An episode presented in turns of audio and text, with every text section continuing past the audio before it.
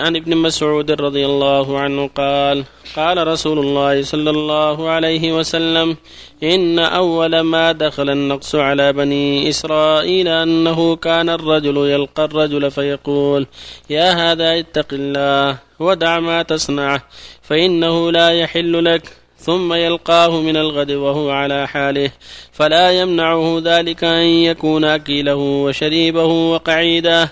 فلما فعلوا ذلك ضرب الله قلوب بعضهم ببعض ثم قال لعن الذين كفروا من بني إسرائيل على لسان داود وعيسى بن مريم ذلك بما عصوا وكانوا يعتدون.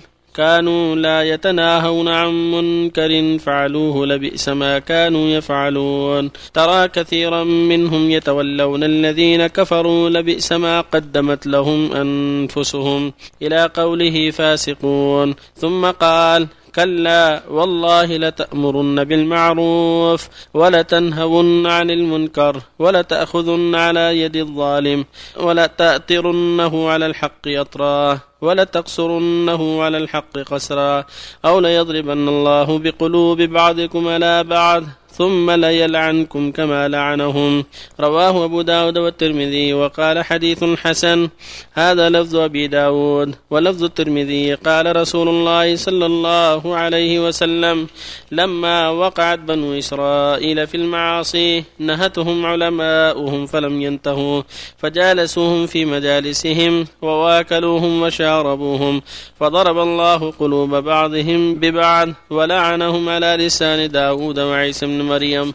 ذلك بما عصوا وكانوا يعتدون. فجلس رسول الله صلى الله عليه وسلم وكان متكئا فقال لا والذي نفسي بيده حتى تأطروهم على الحق يطراه الحديث الرابع عشر عن أبي بكر الصديق رضي الله عنه قال يا أيها الناس إنكم لتقرؤون هذه الآية. يا أيها الذين آمنوا عليكم أنفسكم لا يضركم من ضل إذا اهتديتم. وإني سمعت رسول الله صلى الله عليه وسلم يقول إن الناس إذا رأوا الظالم فلم يأخذوا على يديه أوشك أن يعمهم الله بعقاب منه.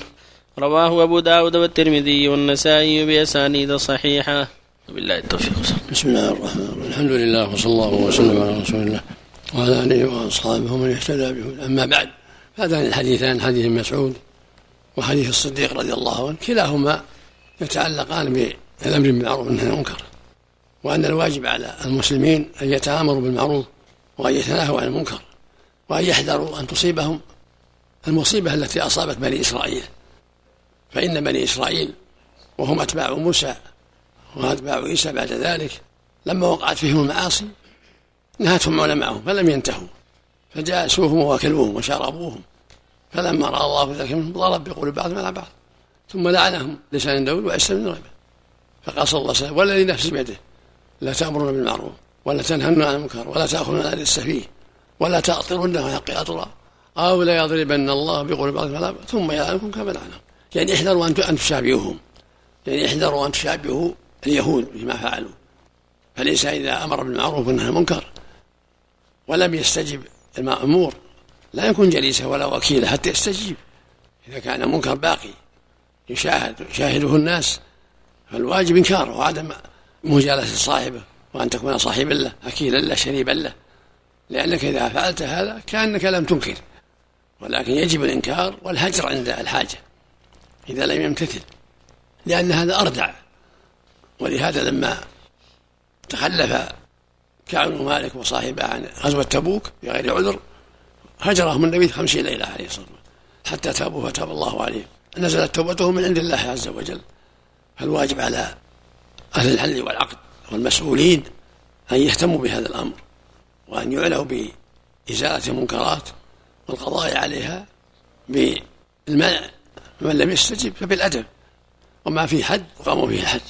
وهكذا المؤمن مع إخوانه ينكر المنكر ويأمر بالمعروف بلسانه وبيده وبقلبه بيده إن كان عنده قدرة كالأمير والهيئة التي لها سلطة وأشبه ممن له سلطة والإنسان مع أهل بيته ينكر باللسان وبالفعل ومن سواهم ليس له إلا اللسان ينكر بلسانه فإن عجز بقلبه وفي قصة بني إسرائيل عظة للمسلم أن يحذر أن يصيبه ما أصابهم ولهذا في حديث الصديق رضي الله عنه أيها الناس إنكم تقرؤون هذه الآية وتضعونها في غير موضعها وهي قوله تعالى يا أيها الذين آمنوا عليكم أنفسكم لا يضركم من ضل إذا اهتديتم.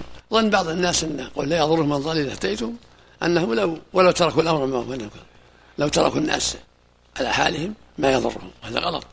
يقول النبي صلى الله عليه وسلم إن الناس إذا رأوا المنكر فلم يغيروا أوشك أن يأمرهم الله بعقاب. فعلم بهذا أنه لا تتم الهداية ولا تحصل الهداية الكاملة إلا بإنكار المنكر ولا بالمعروف. فقل إذا اهتديتم يعني بأداء الواجبات التي منها الأمر بالمعروف والنهي عن المنكر. وإن لم تكن هداية ناقصة. فيضرنا من ضل إذا لم نقم بالواجب في حقه من الأمر بالمعروف والنهي عن المنكر. يضرنا حتى نقوم باللازم من أمره بالمعروف والنهي عن المنكر والأخذ على يدي السفيه. وبهذا نسلم من عقاب الله. وفق الله. مع من كان قوله ضرب يضرب بعضهم يعني البغض ما بين من مقتضاها هذا. يعني تشابه قلوبهم ويكون على الشر جميعا. نسأل الله التفرق كل واحد يتأسى بالآخر. نسأل الله من التفرق والإختلاف؟ منه منه من آثاره صحيح حديث ابن مسعود. صحيح نعم صحيح نعم. هنا حديث حديث مسعود في بني إسرائيل في بعض الضعف لكن له طرق. أما حديث الصديق فهو صحيح رواه أحمد وأبو داود بلسان صحيح. أما حديث مسعود. المؤلف تساهل فيه لأنه من باب الترغيب والترهيب. شواهده كثيرة. ونص القرآن يكفي. نص القرآن يكفي.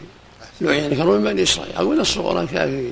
قصة بني إسرائيل نسأل الله العافية. وآكل صاحب المنكر أحسن الله إليك ومشاربته والاستمرار في ذلك. مع الاستمرار في الإنكار عليه مثل لا لا. أم هجرة؟ لا لا. الواجب على الأقل هجرة إذا كان. لأنك إذا أك- وأكلته وشربته ضعف الإنكار. وتسهل معك ولم يبالي. لكن مع الإنكار ترك المجالسة. ولو كان الإنكار في مجلس حفظك الله دائما دائما. الإنسان إذا أنكر المنكر ما يكون جليسا لصاحبه ولا أكيل له. أما المجلس العام ما هو- ما يضر. المجلس العام إذا أنكر المنكر ما يضر. إذا الهجر أولى. نعم. الهجر بعد إذا اختارت المصلحة ذلك. وإذا كان المصلحة تقتضي متابعة الدعوة تتابع لكن لا تكون جليسا له. تتابع الدعوة والإنكار. لعل الله ينفع بذلك. صلى الله عليه يكون الهجر علاج بحسب لكل حالة بحسب. نعم نعم، حسب المصلحة الشرعية. إذا كان في بيت واحد والأب لا ينكر الإنكار المطلوب. مثلا مجموعة إخوان أحدهم صالحين وال- الصالح ينكر على الطالح ولو ما أنكر الأخ الطيب ينكر على أخيه الذي باشر المعصية ينكر عليه ويوجهه إلى الخير ولكن الذي في ناس يستطيعون من الصالحين الانفراد ببيت مستقل وآخرين لا يستطيعون. يمكن حسب طاقته. ولو بقي في البيت إذا رأى المصلحة في ذلك.